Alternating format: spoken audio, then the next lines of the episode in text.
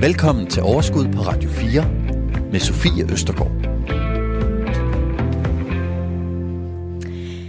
Glædelig kvindernes kampdag. Glædelig tirsdag. Jeg hedder Sofie, og jeg sidder her klar i studiet. I dag der sender vi altså fuldstændig live, og det er en kæmpe fornøjelse.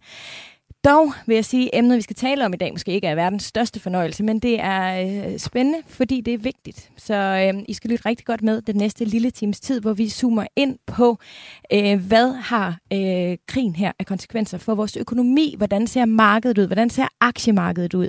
Og øh, hvis du tænker, mm, det med aktier, det er måske ikke lige så meget for mig, eller det med investering, det er måske ikke lige det, der interesserer mig allermest, så vil jeg anbefale, at du alligevel bruger en lille times tid øh, af din tid og lytter med i dag. For ved i hvad? Kendskærningen er jo, at økonomi, det har med os alle sammen at gøre, uanset hvor meget vi har at rute med, eller hvor lidt vi har at rute med. Og jeg kan love dig for, at øhm, hvis du tænker dig godt om, hvis du lever en lille smule under evne, så kan du faktisk få dine penge til at arbejde for dig meget bedre, end hvis du ikke tænker tankerne.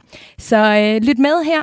Du bliver meget klogere, og hvis du måske har en lille interesse i at øh, ja, begynde måske at investere en lille smule, så kan du også hoppe tilbage, for vi har faktisk sendt overskud i efterhånden halvandet år og lavet rigtig, rigtig mange spændende øh, udsendelser, både om hverdagsøkonomien, men også om investeringer.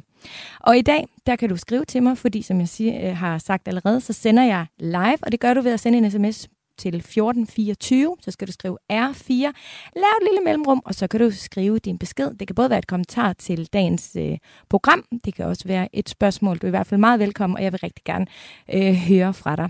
Men øh, i dag, der skal vi tale om krigens konsekvenser for vores økonomi. Vi skal se nærmere på, hvad det betyder for vores investeringer på, og for vores økonomi generelt. Vi skal også kigge lidt på, alt det her med el, gas og benzinpriser, som jo altså måske bare stiger og stiger.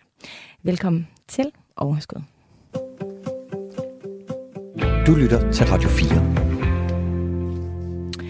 Og med i studiet i dag, der har jeg jo dig, Lars Skovgaard Andersen fra Danske Bank. Hej. Goddag og velkommen til. Goddag, goddag. Ved du hvad, Lars, jeg har sådan en øh, tendens, har jeg øh, fundet ud af, at jeg øh, øh, kommer til at kalde alle mine gæster for kloge hoveder. Og det mener jeg jo øh, helt ærligt og ægte, at I alle sammen er. Men det bliver også bare sådan en lille smule øh, ens i længden på en eller anden måde. Har du, øh, øh, kan du godt følge mig? Så derfor så, i stedet for, så har jeg faktisk tænkt mig øh, at kalde dig og vores anden gæst, som jeg introducerer lige om et øjeblik, for begavet og erfarne. Ja, det, øh, det er Tine i hvert fald. Øh, nej, det er, det er jeg også. Jeg er i hvert fald erfaren, og, og Tine er i hvert fald klog. Øh, det ved jeg. Men nu sagde jeg jo ikke klog, for det var jo det, jeg gerne ville holde mig fra. Begavet. Ja, begavet, ja, ja. Det er hun i hvert fald. Ja, men skal vi så ikke lige præsentere Tine også? Jo, Jo. det synes jeg. Tine Choi Danielsen, du er chefstrateg hos øh, PFA. Ja, hej. Nå, det er godt. Og åbenbart også øh, begavet. Ja, du er begavet, men det har jeg også lagt mærke til de andre gange, du har været med, faktisk.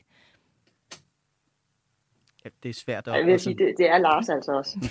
Ej, nu skal I holde Tak, op i Tine. to. Ja, det tog lidt lang tid, men det var i orden. Kom, kom. Men hvad med mig? Ja. Du er en god vært. Det er du også. Ah, men det er godt. Det er dejligt. Jamen, øh, ved I hvad, det er rigtig dejligt, at I begge to vil- være med i dag. Vi sender jo normalt ikke øhm, live øh, her i programmet øh, Overskud. Vi har altid rigtig vigtige emner øh, på programmet, og det har vi altså i særdeleshed også øh, i dag. Det er jo en tid, som øh, vi for ganske få uger siden ikke havde øh, set komme. Altså, det er jo kommet ret meget ud af det blå, og det er jo blevet hurtigt øh, ret voldsomt. Øh, Lars, øh, du er jo investeringsstrateg hos Danske Bank. Mm. Hvordan har du det sådan arbejdsmæssigt lige for tiden? Er der meget at se til? Jamen det er sådan halvdelen af tiden, så kan det så næsten være lige meget, fordi der er noget, der fylder meget mere end det, der er investering. Men så skal du sådan hele tiden komme tilbage og sige, okay, nu skal du så også fokusere på det, som, som der også er nogen, der har behov for, og, og vores investorer, vores kunder har jo behov for at høre, hvordan skal vi forholde os lige til, til den her ting, vores investeringer. Ja. Så, øh, så det er, det er som det er. Altså, vi arbejder lidt ekstra tid i øjeblikket, og det har vi så gjort nogle år, fordi det, de kommer sådan i bølger åbenbart, og det går slet ikke væk, de her ting, som kan bekymre os. Øh, men, men sådan er det i øjeblikket. Det er, at vi bruger rigtig meget tid på at få talt med vores kunder og fortælle dem, hvordan skal man forholde sig til den her periode. Mm. Øh, og det er, det er jo der, hvor vi kan gøre en forskel. Ja. Det er, når de har brug for os, og det har de nu. Og det har vi også i dag. I skal hjælpe os øh, alle sammen med at fortælle, hvordan vi skal forholde os i situationen, som den er lige nu. Øhm, Tine, jeg ved også, at du har travlt på tiden, ikke? Jo, det har jeg, og det er jo det, er jo det samme, som Lars siger, at øh, kunderne vil jo gerne vide, hvad der sker med deres øh, pensionsopsparing. Så der er hele tiden webinarer og så videre, og så er der jo øh, lige så mange læsere ude i avi, øh, vores øh, aviser også, der også gerne vil vide, hvad der sker, så, så journalisterne ringer jo også og vil høre. Og så bliver vi jo hele tiden overhældt af begivenhederne. Så, så når vi lige troede, at, der, at, at nu lå olieprisen der, så sker der et eller andet nyt i krigens øh, udvikling, og så kører oliepriserne eller aktierne i den ene eller den anden retning. Så, så det, det er virkelig med at have, have foden på bolden og, og helst foran i de her dage her. Og der er jo ikke, altså, vi kom jo jo nærmest ikke over øh, covid.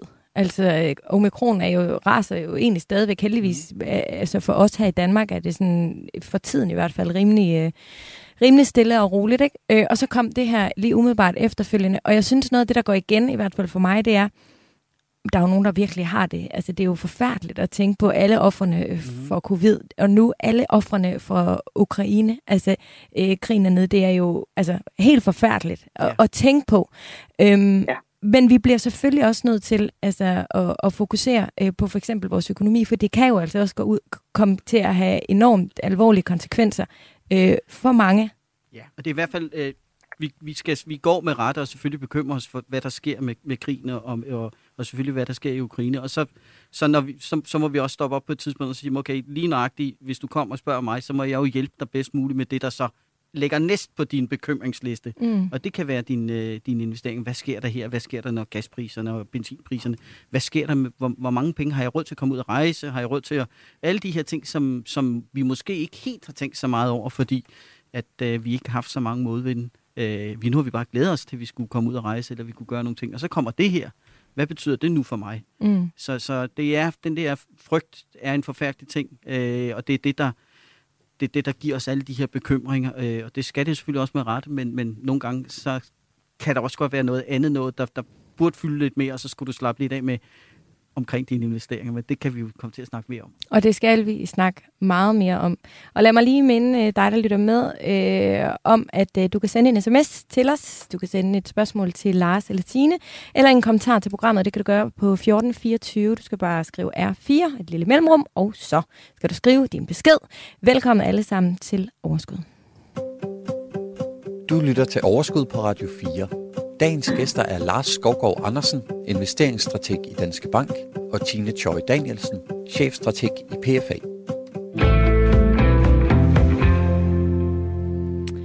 Lars øh, og Tine, lad os lige prøve at, øh, at stille lidt skarp på øh, lige præcis, hvordan situationen her i Ukraine øh, har påvirket markedet øh, ind til nu. Øh, Tine, skal vi prøve at, at starte med dig. Hvad, øh, hvad har det sådan helt konkret gjort ved, øh, ved markedet lige for tiden? Jamen, hvis vi kigger på siden invasionen, øh, som vi vågnede op til den, den 24. februar, en, en 10 dages tid, jamen så er aktiemarkedet, især i Europa, det er jo, det er jo øh, dykket ganske pænt, øh, lige omkring øh, 5-6 procent øh, af de europæiske aktier faldet siden da. Og så har vi jo olieprisen på den anden side, som er, er steget og har er svinget virkelig voldsomt over de sidste par dage. Øh, vi, vi vågnede op i går til, til 130 dollars per tynde, og så øh, faldt den tilbage, og i dag ligger vi altså et pænt stykke op i, i 120'erne også øh, på olieprisen. Og så er der selvfølgelig gaspriserne og fødevarepriserne, som også er eksploderet. Så, så der er altså en, en real økonomisk påvirkning, som vi alle sammen kommer til at mærke, når vi skal købe fødevarer, når vi skal tanke vores bil, og så selvfølgelig ikke mindst øh, de af os, der har naturgas og varmer vores boliger med det. Så det kan altså mærkes direkte på, på tegnebogen her, øh, ikke bare i, i Danmark, men, men hos alle europæere i de her dage. Mm. Og Lars, hvad gør det ved, øh, ved aktiemarkedet? Jamen, øh, som, som Tine siger, så falder aktierne tilbage her.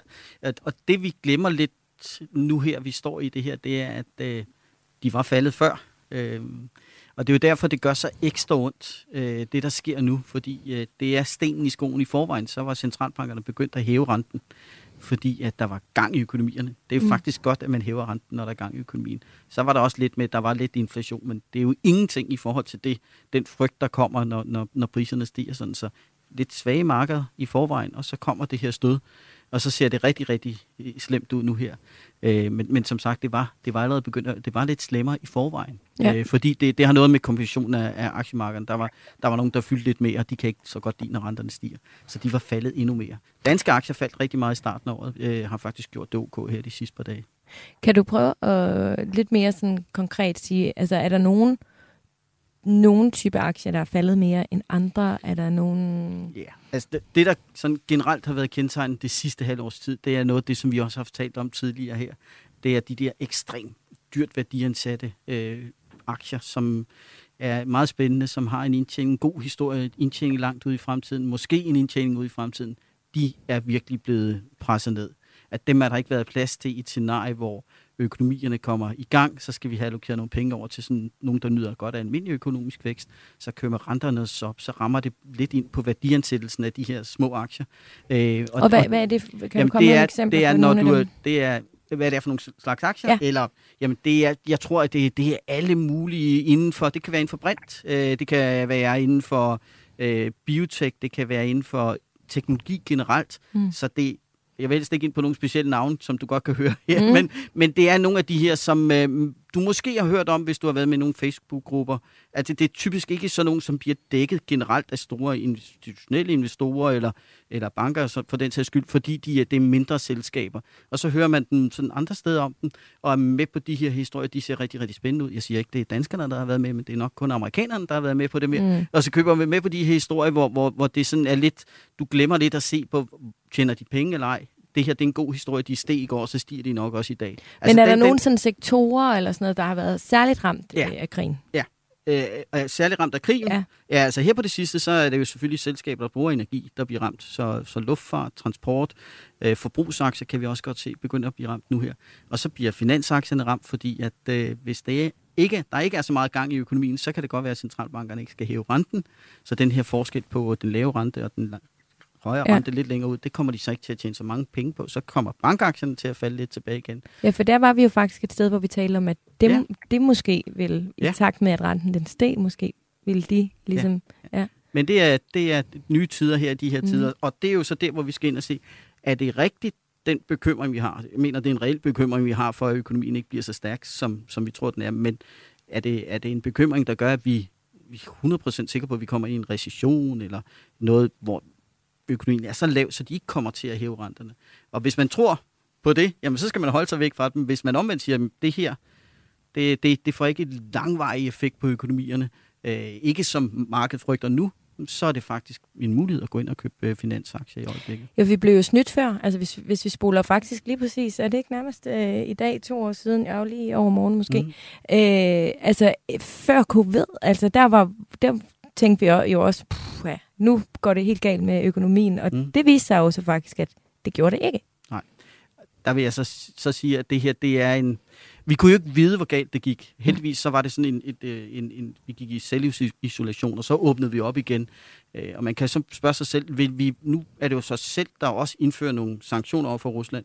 Vil vi så gå ud og støtte økonomien, sådan så de dele af økonomien, som vi siger, I må ikke bruge energi, i mm. selskabet. Nu får I nogle penge af os, så lader I være med at producere noget, I kun åbent tre dage om ugen. Men så, så kan det jo godt være, så kan vi allokere energien over til nogle andre, og så kan vi få bygget nogle øh, andre ressourcer op til os. Øh, vi får andre steder fra, så kommer vi igennem en periode. Så gør det ikke så ondt, som, som det ser ud til i øjeblikket, men, men det er mere markant den her gang. Mm. Altså fordi det her, det rammer ind i en periode, hvor, øh, hvor centralbankerne i forvejen skulle til at hæve renten, og hvis ikke, der ikke er nogen vækst derude, så får de jo dræbt væksten endnu mere. Øh, og det er det, der er problemet i øjeblikket. Det er, at vi er på vej ind i det, der sådan populært hedder stagflation, som er sådan lidt øh, meget uheldigt. Det er i hvert fald en risiko, vi kan komme ind i det. Tine, hvad hvis man ser lidt på øhm, altså sådan rundt omkring i, i verden, altså aktier uden for, øh, aktiemarkedet uden for Europa, hvordan er det så påvirket af den her invasion, som jo er i Europa? Ja, jamen, hvis vi lige, lige begynder i, i Østeuropa, for eksempel med, med Ungarn og Tjekkiet og, og Polen, jamen, så lider de jo af den geografiske nærhed til Ukraine i det hele taget. Så, så de har selvfølgelig også mærket det her drøn nedad, og så, så er, de jo, øh, er de også en del af EU, så, så, så der er hele stemningen jo øh, ganske negativ. Men når vi øh, blikket over mod øst og kigger på, på Kina, jamen, så er de kinesiske aktier faktisk fuldt det europæiske marked nedad. Øhm, så, så der er ikke rigtig noget beskyttelse at komme efter der, og det er jo fordi, at de asiatiske økonomier, de er øh, alle sammen afhængige af, af energiimport også. Øh, så selvom de ikke lige står over for, at, øh, at man eventuelt kunne finde på at lukke for, for gas- og olieforsyningen fra Rusland og til Kina, jamen så oplever de jo det her pres fra de, øh, de høje energipriser også, som går ind simpelthen og, og virker som en skat, øh, også på, på, på borgerne derude, fordi at, Øh, det koster ganske enkelt mere at, øh, at, at købe olie og benzin, tanke sin bil osv. Og, og det er penge, der forsvinder ud af, af lommen på, på forbrugerne, og som, som man ellers kunne have brugt på noget andet. Kigger vi over mod, øh, mod hvad hedder det, USA og Sydamerika, jamen så er det jo især i Sydamerika, og det er især Chile, Peru og Brasilien, som, som har klaret sig øh, godt over de seneste uges tid her. Og det gør de jo, fordi at, øh, at de har eksponering til, øh, til mange af de her råvarer. Øh, tager vi Brasilien, jamen Brasilien er jo både fødevare og tung, øh, og så har de også øh, olieproduktion. Og kigger vi på Chile og Peru, jamen, så er det jo nogle af de her mere sjældne øh, hvad hedder det, metaller, som, som vi jo bruger i hele den her øh, øh, klimaomstilling til elbiler og så videre og så videre, øh, batterier og så videre, som, som lige nu jo øh, eksploderer i opadgående retning, når vi kigger på priserne. Så, så der er altså stadigvæk nogle steder, hvor det, hvor det går okay øh, i forhold til det her, fordi at, at nu snakkede I om, hvilke sektorer, der var ramt af, mm. af krigen her, og, og faldet meget på det, jamen så er der jo også nogle sektorer, som, som så faktisk har bevæget sig den anden vej, og det er selvfølgelig energisektoren med de sorte energiselskaber, øh, der, der jo nyder rigtig godt af, at olieprisen den stiger. Og så er det mineselskaber, altså alt, alt råvarer simpelthen, fordi at det her, vi ser prisstigningerne øh, så, som afledt effekt af, af Ruslands øh, invasion. Ja. Kan man, kan man tale om, øhm, det, lyder jo, det lyder jo simpelthen så øh, dumt, eller virkelig øh, forfærdeligt at spørge om. Men nu siger du, at der er nogle øh, økonomier, nogle landes økonomier, hvor markedet stadig går okay. Er der nogle lande, altså hvor, hvis man kun ud fra et økonomisk perspektiv kan sige, men de nyder godt af det, der sker lige nu på, øh, på, på markedet? Hvis man tager sanktionerne væk Lidt fra... tættere på mikrofonen, Lars. Nej, nej, okay, undskyld. Ja, nu siger Tine også noget. Ja, så får Tine lov til. Tine, du snakker. Kom. Ja, kom. Okay. øh, nej, vil jeg sige, fordi, fordi verden hænger stadigvæk sammen. Mm. Og, og vi er afhængige af rigtig mange råvarer på kryds og tværs af hinanden.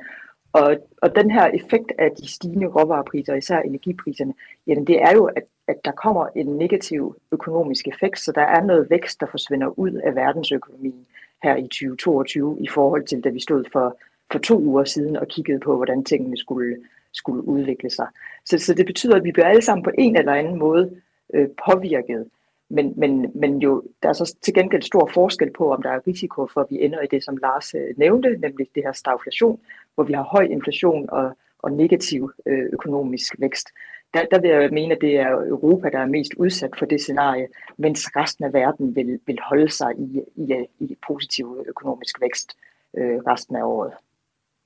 Mm. Og det er jeg helt enig med øh, Tini. Da vi er ikke derhen, men ikke desto mindre, så kan det være det, du læser om øh, når du læser øh, medier, øh, og ellers følger med, så kommer de her ting om. Du må nok også høre ordet recession.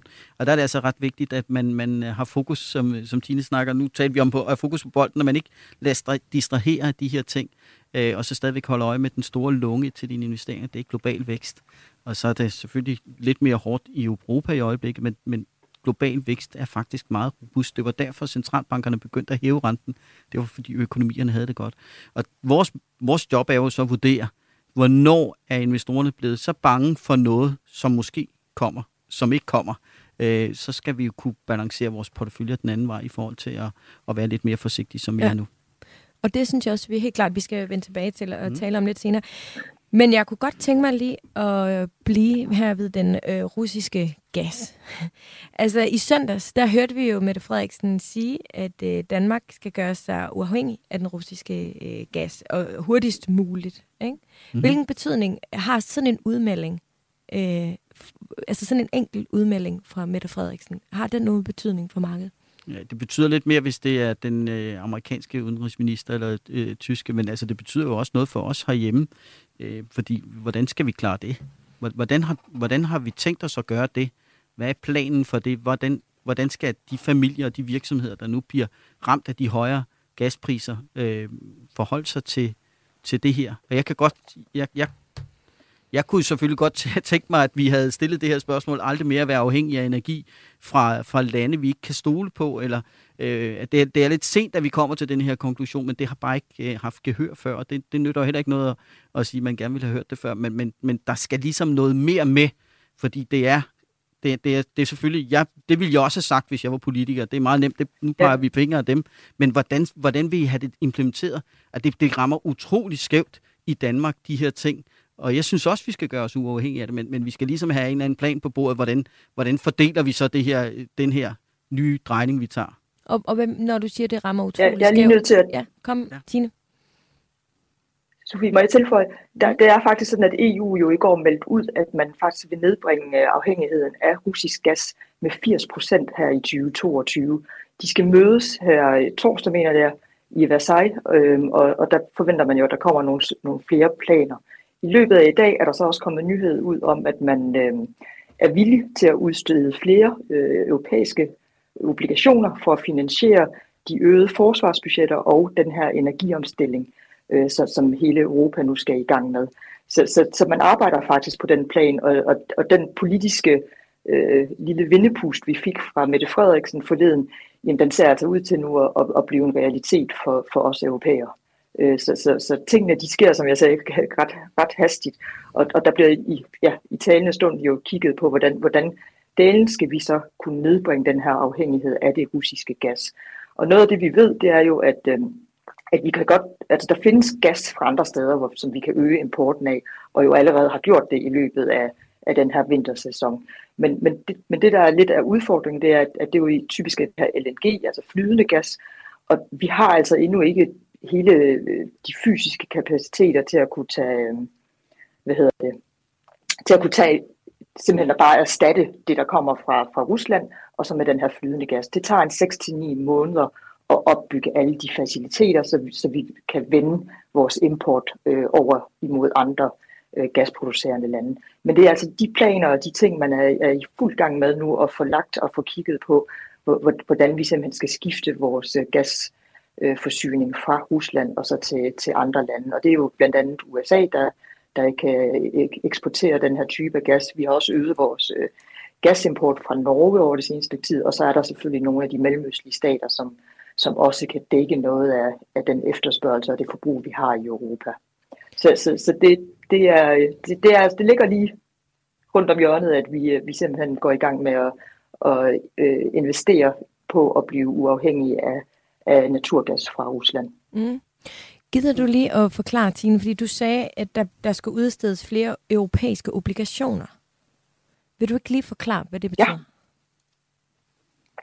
Jo, vi fik jo under pandemien, øh, der, der kom EU jo, øh, igen så viste man jo lige pludselig noget, noget, at det europæiske samarbejde godt kan, når krisen den ellers øh, krasser og banker på vores dør.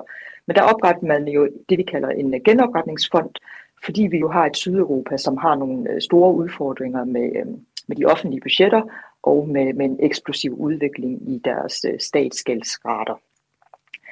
Så for at komme igennem pandemien, jamen, så blev man enige om at, at udstede en fælles europæisk statsobligation. Det vil sige så, at helt, helt kort fortalt, jamen så også i den rige nordeuropæiske del øh, af, af regionen, jamen vi, vi betaler egentlig øh, en del eller, eller ja, øh, står på mål for den her obligationsudstedelse, og så går nogle af pengene ellers ned til, øh, til de sydeuropæiske lande.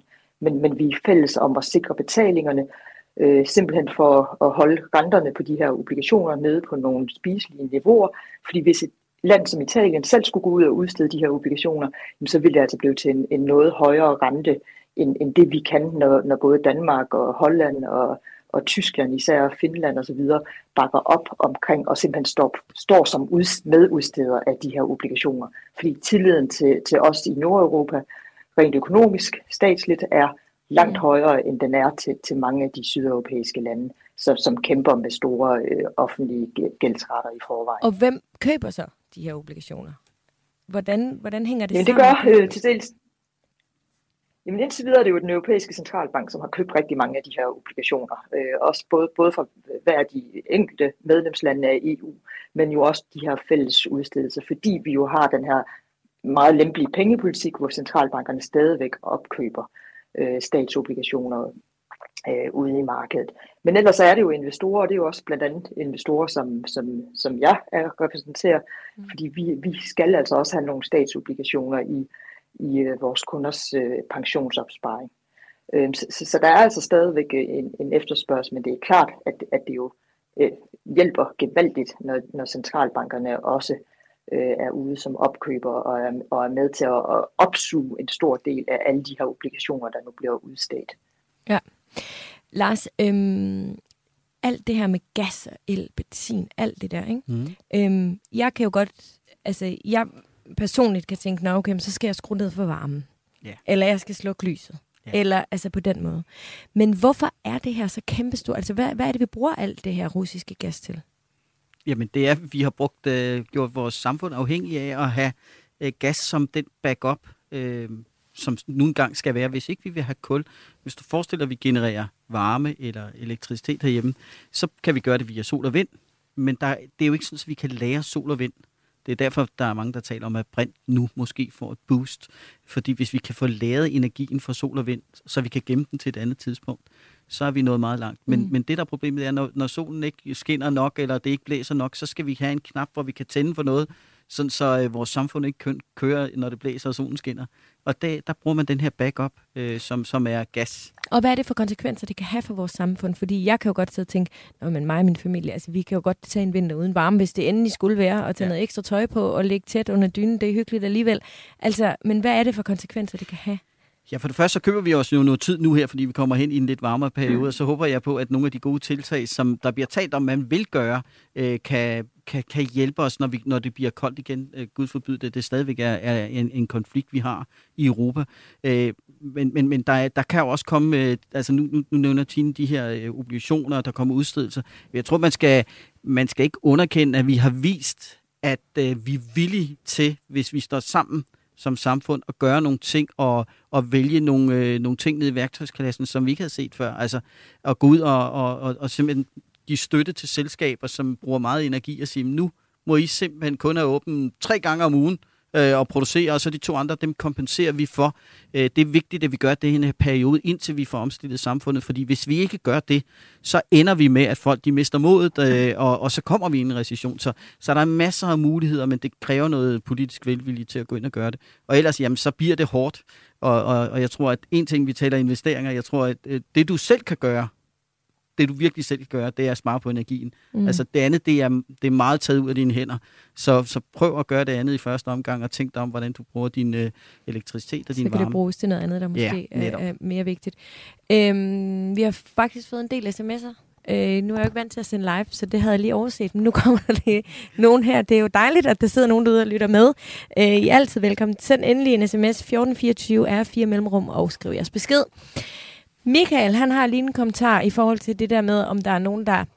Jeg spurgte tidligere, om der er nogen, der ligesom, øhm, hvad skal man sige, nyder godt af krigen økonomisk set mm. bevares. Ikke? Øh, han, han skriver, at Brikland, øh, Brikland er, øh, er jo i bedste fald tavse om krigen og Rusland. Vil det betyde, at de måske vil kunne blive sanktioneret, hvis de fortsætter deres økonomiske tilknytning til Rusland? Det, det, jeg ved ikke, hvad man kommer til at gøre, øh, og man gør det nu. Vores sanktioner er jo indtil videre også hårde mod Rusland, men vi har trods alt ikke indtil videre sanktioneret gassen og olien. Det har Tyskland meget imod. Så jeg, jeg er sikker på, at der vil komme et massivt pres på dem, og jeg kan ikke udelukke, at øh, hvis det kommer til stykke på et tidspunkt, så man gør det, men, men det er ikke noget, jeg kan se lige forløbig. Mm-hmm. Så øh, spørger øh, Steiner, øh, på hvilket tidspunkt det er billigst at bruge el jeg får el fra fjerneværk, det er fra et fjerneværk, der fyrer med flis. Og det ved jeg ikke helt om Lars og Tine, om det er jeres øh, spidskompetence. ja, det, jeg, jeg, kan godt, jeg kan godt give lidt input. Jeg, Nå, jeg ved ikke helt med det specifikke selskab, men det, men det han skal tjekke er jo selvfølgelig, hvad det er for en aftale, han har. Fordi der findes jo forskellige el-abonnementer. Øh, nogen har, har et abonnement, hvor du betaler timepris. Mm. Så kan du typisk gå ind på dit selskabs app og følge den her pris time for time. Og der, der vil du jo typisk opleve, at der hvor elen er dyrest, det er jo der om morgenen, hvor vi alle sammen står op, inden vi skal på arbejde, og når maden skal laves. Øhm, og så midt på dagen, hvor, hvor, hvor rigtig mange af os jo nu ikke længere arbejder hjemme, men er på arbejdet, jamen så vil du formentlig kunne se, at din, din øh, timepris der så er billigst. Så er der andre, der har fastprisaftaler. Øh, heldige dem, siger jeg, øh, fordi øh, de kan have låst deres øh, elpris eller deres gaspris øh, fast for ja, et, to eller, eller tre år, så de kan jo bare, øh, behøver ikke at tænke over, og, hvornår det er, de, øh, de skruer op og ned for varmen. Og så er der endelig dem, som har sådan en eller anden markedspris, men, men som er ens set, øh, set øh, ja, øh, på, på daglig basis. Mm. Så, så, så det, du skal ind og tjekke simpelthen, om du har sådan et timeprisabonnement. Øh, hvor, hvor her i Danmark især, hvis du har haft vindenergi, jamen, så har det jo betydet, at det virkelig har kunne betale sig at, øh, at vaske om natten, fordi at, at der er øh, elforbruget ikke særlig højt, og vindmøllerne de producerer jo samme mængde vind, øh, uanset øh, øh, hvad tid på døgnet det er, bare det blæser. Så tjek din regning og, og din, din aftale med dit elselskab. Ja, jeg har så ikke den gode. Så, så Nå, jeg, jeg, jeg, jeg skal virkelig også tænke mig over, hvornår ja. jeg bruger. Tine, du er jo begavet, det er jo det, vi øh, har talt om. Men jeg har faktisk øh, for nyligt hørt om en, som øh, hvis mand gik rigtig meget op i at kun bruge og slukke for varme og, og slukke for el og alt det der, og fandt efterfølgende ud af, at de havde sådan et øh, samme pris øh, døgnet rundt.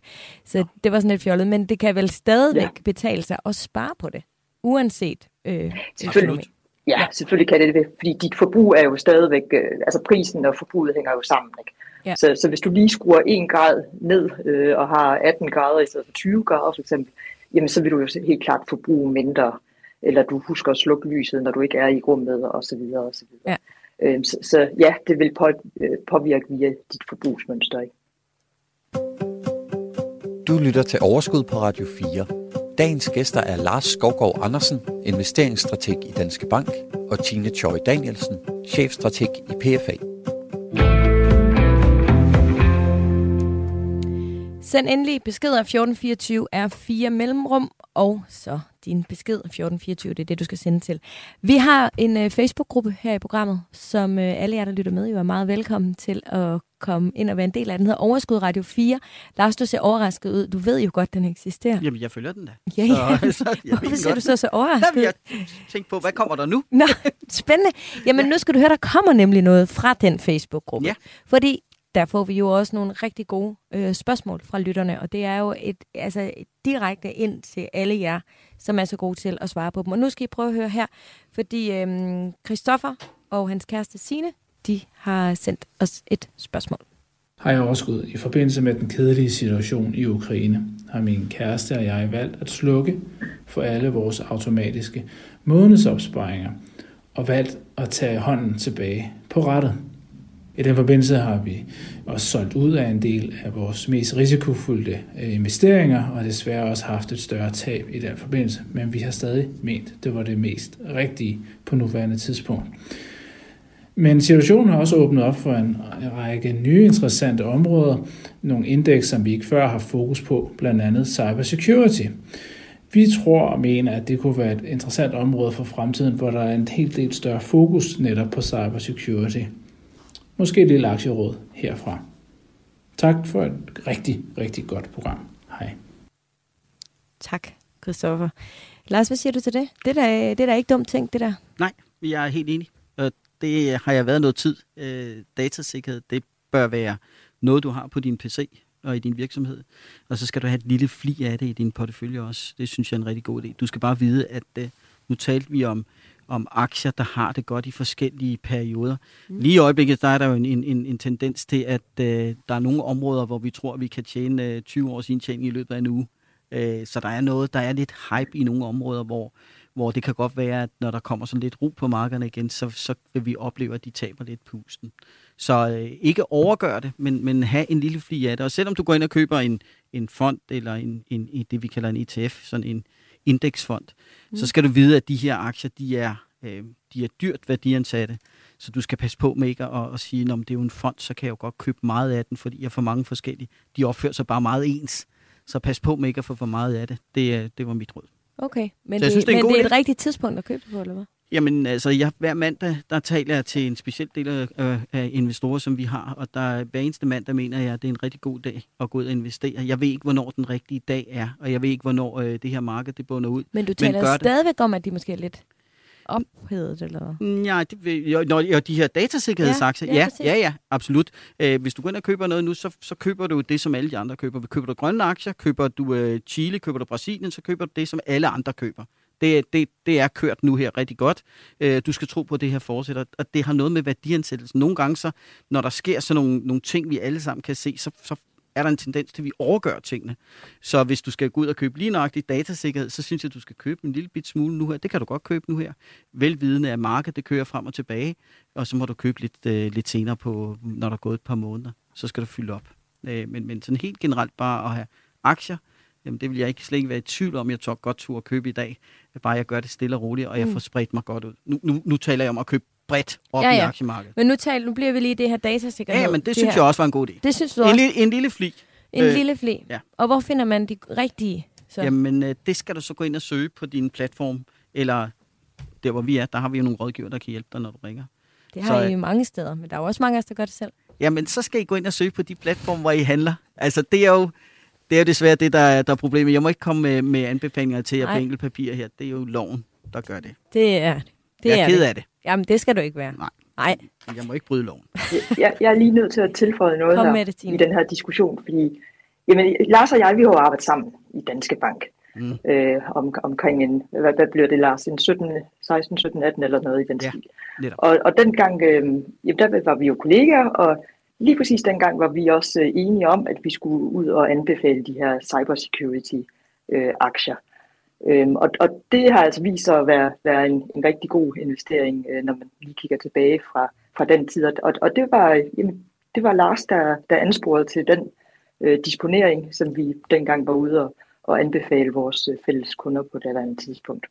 Så, så jeg kan kun bakke op omkring det, han siger, og så selvfølgelig bakke op om, jamen øh, lad være med at kaste jer ind i én sektor bare.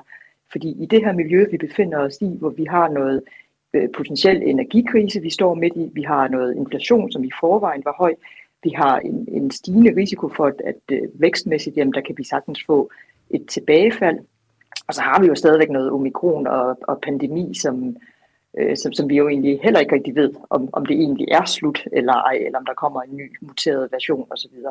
Jamen så sørg for at have så stor en spredning som overhovedet muligt. Fordi der, altså, øh, invest- øh, aktiemarkederne skifter hele tiden retning afhængig af øh, øh, en, et eller andet ny nyhed, der kommer, og så lige pludselig, jamen, så er det bankaktierne, som falder, og så lige pludselig er det bankaktierne, der stiger, eller altså det, det skifter simpelthen så meget lige nu, fordi at der er så mange ting i gang Ja. ja. øh, i, i vores lille verdensøkonomi her. Så, så den bedste måde at sikre sig, det er simpelthen bare ved at have en, en bred eksponering Ja. øh, Og det er jo det, som til aktiemarkedet. helt klart, og det er jo øh, et godt råd, som, som holder øhm, altid. Det er der ikke nogen tvivl om. Og du skal vide, øh, Lars, han øh, sidder med et smil på læben, og, og, og er jeg kan mærke, det er dejligt, at, Lars, at du har været forudseende dengang for, hvad er det så, en 4-5-6 år siden. Men så er du jo også en helt rigtig nu at spørge Lars Mm. Skovgaard Andersen fra Danske Bank. Hvor skal vi så kigge hen nu? Hvad bliver det nye cybersecurity? Øh, Jeg tror, at fremtidens sundhed er der, hvor du får krydsfeltet mellem IT og sundhed. Jeg ved godt, det er totalt det, det er slet ikke nu. Jeg vil bare lige vende tilbage til det, som Tine siger, fordi jeg vil give hende ret. Lige i øjeblikket. I to, I laver ikke andet end at give hinanden men, ret. nej, men det, det, det, det, er jo, sådan er det jo. Nej, men det, det, som Tine siger, det er lige i øjeblikket, så risikoen ved bare at købe et marked, altså bare købe markedsafkastet, er jo ekstremt høj. Så hvorfor skal man løbe øh, risikoen ved at, at begynde at, at afvige fra det? Det du skal gøre, det er, hvis du er i tvivl om, hvad du skal, så skal du have markedet. Så må du køre op og ned med markedet. Når du så begynder at sige, ah, jamen nu er der kommet lidt ro på, så kan jeg godt gå efter de der lidt specielle historier. Så skal du sælge din markedseksponering og købe de, de der enkelte områder. Og hvis du, når vi, der kommer lidt mere ro på, og der kom, pulsen kommer lidt ned, så er en af de temaer, jeg kigger på, som, som jeg tror bliver helt afgørende, fordi vi kommer til at bruge så ufattelig mange penge på vores sundhed. Øh, det har vi gjort under covid. Mm. Vi kommer til at blive flere ældre, vi lever længere, vi skal have flere, jeg skal have flere reservedele, øh, alle mulige ting. Jeg har Apple Watch på, alt muligt. Alle, helt det der område med, hvordan vi skal håndtere ældrebyrden, og dem, der taber ind og hjælper os med at være smartere og få flere, mere ud af vores penge ind i sundhedssystemet, det tror jeg, de kommer mm. til at være fremtidens vinder. Så krydsfeltet mellem sundhed og IT. Nu skal vi høre Sten Andersen, han skriver også på vores Facebook, det eneste, der gør at ride stormen af, det her er en once in a lifetime periode og har intet med selskabernes basale indtjening at gøre. Hvis man ikke kan bruge midlerne inden for de næste, hvis man ikke skal undskyld, bruge midlerne inden for de næste par år, er det her en gyld mulighed for at købe meget billigt ind. Jeg ærger mig over, at jeg ikke har flere kontanter at købe for. Skal vi købe op nu, Tine? Bredt, selvfølgelig. Jamen, øh, jeg, jeg, kan, jo, jeg kan jo kun give, øh, give ham ret, øh, fordi, fordi det er en god øh, opkøbsmulighed. Det man så bare skal være forberedt på, det er, at, at vi ved jo ikke, hvornår den her krig den slutter, og hvordan den, den udvikler sig. Og jeg, jeg tror godt, jeg kan garantere lige sådan umiddelbart, så mit synspunkt er, at det kommer til at vare lang tid. Fordi man indtager og overtager altså ikke bare lige øh, på 14 dage et land bestående af 44 millioner indbyggere. Øh, så, så, så det er altså en krise, og, man, og, og det man simpelthen bare skal være opmærksom på nu, hvis man køber op, jamen det er, at, at man skal kunne tåle de udsving. Man skal kunne tåle, at markedet den ene dag godt kan stige et par procent, og den anden dag, så kan den altså falde dobbelt så meget. Øhm, og, og det miljø skal man nok lige øh, være forberedt på, at nok kan vare ved i, i, i, nogle, i et pænt stykke tid endnu. Øh, så, så bare man er forberedt på det, jamen så er der gode opkøbsmuligheder også øh, i, i, i sådan en nedtur her. Ja. Hvis jeg lige må komme en kommentar til. Jeg er helt ja. enig med Tine. Jeg synes, at det er, som jeg siger, jeg, hvis jeg fik en, havde en pose penge, og jeg skulle investere, så ville jeg godt begynde at investere lidt i dag. Øh, jeg vil bare tage det i bid også, og så vil jeg købe mm. bredt, som Tine siger. Så, så en af de her ting, som også spørgsmålet afspejler, det er jo, at når, når vi kan sige, at man skal tage det stille og roligt, og, og som vi gør, og is i maven, øh, så er det jo fordi, vi også har obligationer, som Tine siger, i, i pensionskasserne. Det har vi også obligationer ligge i en portefølje, og de er rigtig, rigtig kedelige at have. Men det er jo netop det, der er muligheden for os nu. Det er, at vi kan sælge vores kedelige obligationer, og så kan vi købe aktier. Det er lidt et problem, hvis du kun har aktier i din portefølje. Øh, og derfor så gør det rigtig, rigtig ondt, fordi så når du aldrig at få lov til at udnytte de tilbagefald, der kommer i aktiemarkedet. Så derfor skal du altid sørge for at have lidt tørt krudt, kedelige obligationer. Det her det er Overskud på Radio 4. Vi taler om øh, konsekvenserne øh, af invasion, øh, invasion, krigen i Ukraine. Hvad har den egentlig på vores øh, privatøkonomi og ikke mindst på øh, markedet? Men noget andet, som vi også skal tale om, det er øh, boligmarkedet. Fordi Kenneth øh, Enrico, han skriver for eksempel på vores Facebook-side Overskud Radio 4. Jeg har en stor del i ejendom og tænker faktisk, at det vil være en neutral eller positiv... Øh, at det vil have en neutral eller positiv effekt, for når der er fare på, så trækker man hjem i trygheden. Så tænker jeg ikke, det vil gå mere ned end almindelig udsving. Og øhm, for at øhm, ja, høre, om øh, han måske tænker rigtigt eller forkert, og hvad vi egentlig skal forholde os til, så har vi øh, spurgt administrerende direktør i Købersmaler, Lennart øh, Christensen, om hvordan man skal forholde sig øh, lige nu, hvis man er aktiv øh, på boligmarkedet. Og Anders, som jeg laver overskud sammen med, han har talt øh, med Lennart, og øh, ja, lyt bare her. Da vi startede med at, at, at se optakten til krigen, øh, begyndte der allerede der at være sådan bekymringer og usikkerhed. Øh, men i forbindelse med selve invasionen, så var der i hvert fald sådan et øh, øh, chok, altså nærmest granatchok øh, øh, på boligkøbersiden, hvor man sådan stopper alt og siger, jamen, vi sætter vores boligkøb øh, i bero og ser tiden, tiden an. Øh, det er sådan en klassiker, som vi også så øh, lige da corona øh, ramte, og vi også så ved 9-11 øh, øh, langt tilbage, at, øh, at den slags store ting, de skaber simpelthen et vakuum i markedet på boligkøbersiden, hvor de siger, jamen, vi går ikke ud og laver en stor investering nu. Øh, frygt er jo sådan en, en, en vild drivkraft, øh, og øh, først kommer, hvad skal man sige, usikkerheden, og den bliver lynhurtigt i sådan en, en krisesituation forvandlet til, til frygt. Og så, så kan man snakke om det er rationelt eller irrationelt, men, men i hvert fald gør det, at man siger, vi gør ikke noget øh, lige nu, øh, som er så stort som at købe bolig. Øhm, og det var i hvert fald det, der skete lige i forbindelse med invasionen. Øhm, det tager sig rimelig hurtigt af, men, men fordi vi har de her sanktioner, som kommer som sådan en salami-metode, hvor man tager lidt af gangen, øh, jamen så, så fjerner man faktisk ikke frygten, men, men opbygger sådan en, en tilstand af, at vi ikke ved, hvor det her ender. Øh, så, så en hurtig overtagelse af, af hele Ukraine, øh, Gud forbyde det, det, det havde øh, faktisk været bedre for, for boligmarkedet, for at få det stabiliseret. Det lyder som om, det er meget den her usikkerhed, der ligesom præger det hele lige nu. Ja, det er det. Og, og usikkerheden, altså når det bliver til frygt, det, det er der, hvor det er, det begynder at, at være sådan lidt giftigt for, for boligmarkedet, fordi så, øh, så går det altså træt. Øh, så afventer man. Og, øh, og samtidig så, så har vi jo et pres på forsyningskæderne, der gør, at, at ting simpelthen bliver dyrere. Øh, så krigen i sig selv, øh, altså selve krigshandlingerne, det, det er egentlig ikke så meget dem, man fokuserer på nu. Det, det er sådan det første chok. Nu er det mere den her, hvor ender olieprisen, hvor ender hvide gaspriserne henne. Øh, det er jo kæmpe betydning for, for familiers rådighedsbeløb, som har stor betydning for, hvad kan de egentlig låne i banken. Så jeg tror også, der er rigtig mange øh, øh, potentielle boligkøbere, der faktisk får afslag i banken øh, på en bolig, de ønsker at købe. Øh, simpelthen fordi, at øh, man forventer at skulle bruge langt flere penge på, på daglig, øh, dagligvarer øh, og på opvarmning, øh, på alting. Så, øh, så det er sådan en rigtig giftig cocktail, øh, at, at vi både har de her, den her inflation med de stigende priser, og så en, øh, en usikkerhed om, hvor den her krig egentlig er på vej henad. Ja, så inflationen har en lige så, hvis ikke mere, afgørende rolle. Ja, altså folk, folk er sjovt nok begyndt at kæde, kæde inflationen sammen med, øh, med, med krigen i Ukraine, og, og de har ikke sådan direkte noget, jo, det har noget med hinanden at gøre, men inflationen øh, har været på himmelflugt øh, i et stykke tid, øh, og det har så betydet, at, at renterne er steget, og, og hvor man for øh, lidt mere end et år siden kunne få et, et, et, øh, fastforrentet lån på, på et halvt procent, jamen så hedder det to et halvt nu. Øh, det er en kæmpe forskel, og, og det skal folk vende sig til. Øh, folk synes, det er lige pludselig er dyrt. Øh, det, det, det, det er lige pludselig et, et, et meget dyrt lån, synes man, øh, selvom det i historisk perspektiv er, er stadigvæk er rigtig, rigtig godt lån. Øh, men når man er vant, vant til det bedre, så, øh, så går der et stykke tid, før man vender sig til det. Øh, så inflationen og de stigende renter er, er sådan set øh, øh, værre på, på længere sigt end, end krigen, som, som hurtigt bliver øh, priset ind efter, efter kort, relativt kort tid. Og øh, altså, hvis man nu står, og man har gået og tænkt på, at man gerne vil købe den her drømmebolig, og lige pludselig sker alle de her ting øh, med inflation og øh, krig, og hvordan skal man så forholde sig til det som boligkøber?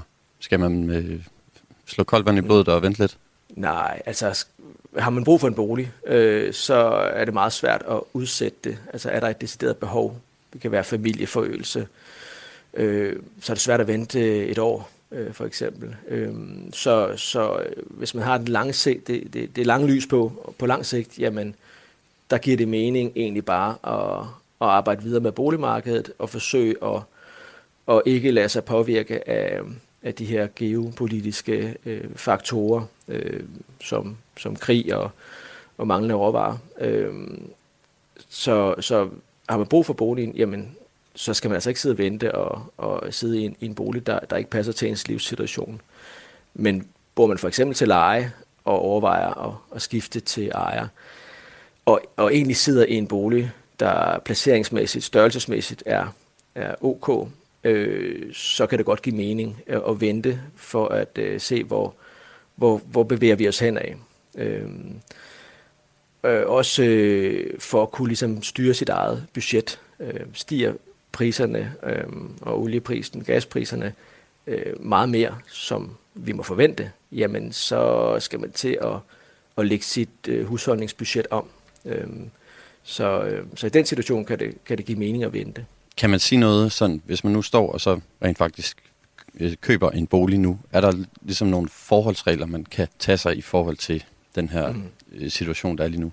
Ja, altså hvis man er på vej ud for at, at kigge på bolig øh, og har taget det valg, øh, måske lagt et budget for et halvt år siden, det, det er typisk en længere proces øh, for de fleste mennesker, jamen så skal man simpelthen starte med at, at, at, at gentænke sit budget, øh, fordi der vil være nogle større omkostninger til øh, øh, de løbende udgifter. Øh, så, så det skal gøres allerførst. Øh, men ellers så er, er det vigtigt, at øh, i forbindelse med finansieringen i hvert fald, at få kurssikret, når man øh, først får fundet den bolig, man vil have, og, og får øh, gennemført handlen. Øh, så har vi i en periode med meget lave renter, og hvor det har været mere stabilt, haft en større tendens til, at folk de, øh, de bare venter med at optage lånet til, til de skal overtage boligen, men, men som det er nu, der, der kan man kun anbefale at kurssikre øh, hurtigst muligt, når man, når man skal købe en bolig, for at undgå, at, øh,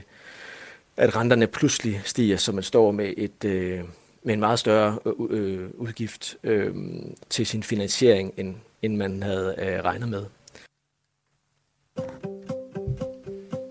Du lytter til Radio 4. Yes, her var der lidt om øh, boligmarkedet også. Nogle gode pointer. Øhm, Lars og Tine, du er også stadig med på linjen, ikke? Yes. Nå, det er jeg glad for at høre.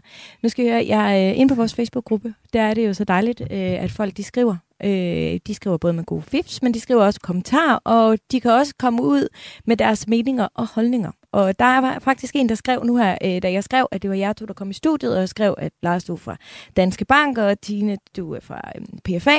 Så var der en, der skrev med en kommentar, der lyder sådan her. Der er en årsag til, at du altid vil høre is i maven fra eksperterne. Øh, der er en bundlinje og ikke en teori eller en filosofi. Og Lars, det synes jeg, vi skal snakke om. Fordi mm. jeg skrev til ham, at det vil jeg faktisk gerne lige vende med jer. Fordi jeg inviterer et meget bredt udsnit af eksperter fra alle mulige forskellige øh, ja, fra banker og øh, pension, øh, og også uafhængige og mm. alle mulige øh, forskellige. Men jeg forventer jo, at I, når I kommer herind, selvfølgelig, øh, altså I får jo ikke lov til, øh, I, altså bare sidde og sige øh, Danske Bank, Danske Bank, eller nu Nej, på den det, måde. Det, det, men, men hvordan er det for dig? Fordi du har jo været inde på det allerede en gang, Lars. Du er jo selvfølgelig, der er jo en lov, der siger, at uh, I må ikke sidde og sige nogle navne på enkeltaktier, for eksempel. Ja. Men kan du være uvildig nok til at sidde øh, og kloge dig i et program som det her? Øh, ja, det kan jeg godt. Altså, vi, vi har i, i det, hvor jeg arbejder, der har vi nogle eksperter inden for forskellige områder, der har ekspertviden inden for økonomi. Øh, og det kan godt være, at jeg ikke er helt enig med dem i altid, men, men jeg bakker op om det, den ekspertviden, som jeg har i min værktøjskasse. Og så øh, bruger jeg min, øh, min investeringsråd, øh, som, øh, som er også er uvildig forstået på den måde, at øh, jeg bliver målt på, om, øh, om kunderne får et godt afkast eller ej. Øh, og derfor så har jeg ikke nogen interesse i ikke at give et godt råd. Øh, det er det, vi gør, øh, og det er at hjælpe dem. Det er, det er altså den måde, man kommer bedst øh, øh, i mål med at have mange kunder og trofaste kunder. Det er at hjælpe dem og hjælpe dem bedst muligt. Så jeg har ikke nogen intention om at fortælle øh, om øh, det der med at have is i maven. Øh, det, det er jo ikke sådan, så jeg tjener flere penge på, hvis, hvis øh, en, en, en kunde øh, lader være med at sælge en aktie. Altså faktisk, hvis de sælger en aktie, så får banken, eller der hvor man nu er, er jo en kortage eller et spread, de tjener penge på. Så jeg, jeg, det er lidt, jeg tror, det er svært, det er lidt misforstået. Øh, det kan også være, det er mig, der misforstår spørgsmålet, men, men nej, øh, mit, øh, jeg, jeg er uheldig, og jeg har kun øh, det formål, at, øh, at I får det bedste råd, sådan, så I synes godt om det, hvor jeg kommer fra. Mm, mm, og, og grund til, at du stiller op her, fordi du får ikke penge for at deltage her i Nej. studiet. Nej, jeg får ikke nogen penge for at deltage Nogle i det. Nogle gange får du kop kar eller en kop ja, te, den havde jeg da glemt til dig i dag. Og så får jeg lov til at, at, at tale med Tine igen, så der går alt for lang tid imellem, jeg får lov til at tale med men også med dig. Nej, det får jeg ikke, altså, men det er en del af mit, mit job, det er, jeg, jeg har den profil, at jeg, skal, jeg gør de her ting, og det mm. gør jeg gerne. Altså, jeg brænder jo for at, at tale med jer, og så håber jeg, at I lytter på, hvad vi siger, ikke kun lytter på det, som I tror, vi siger, for det er jo det, det der confirmation ja. bias, som der er nogen, der... Når I siger jo bare, is i maven, så skal jeg ikke gøre noget.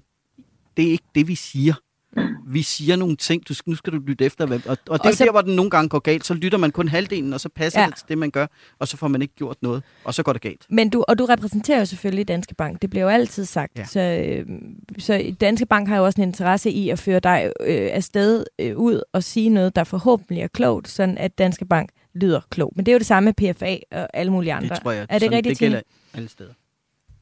Jo, absolut. Og, og jeg skal jo sige, vi, vi, øh, du kan jo som almindelig øh, investor jo ikke købe og sælge noget som helst i PFA. Vi er en kapitalforvalter, og vi forvalter øh, penge på vegne af, af pensionsopsparerne. Og, og øh, vi gør og siger heller ikke at øh, have is i maven, fordi at vi kan tjene penge på det. Vi, vi arbejder for at skabe den højeste øh, pensionsopsparing for vores kunder simpelthen. Og, og når det så er sagt, så vil jeg sige, at der er faktisk øh, måske ikke noget teori, men det vi kalder nogle øh, stylized facts omkring aktiemarkedet, øh, som, som ligger til grund for de her øh, råd, som, som sådan nogen som Lars og jeg øh, jo ofte er ude og gentage, især når markederne de falder, det her med at forholde dig i ro, holde dig til din strategi og, og være langsigtet, når du bevæger dig ind på aktiemarkedet. Og det er jo fordi, vi, vi, vi ved, at der, der er de her fakta omkring, hvordan aktiemarkedet egentlig opfører sig set over lange tidsperioder.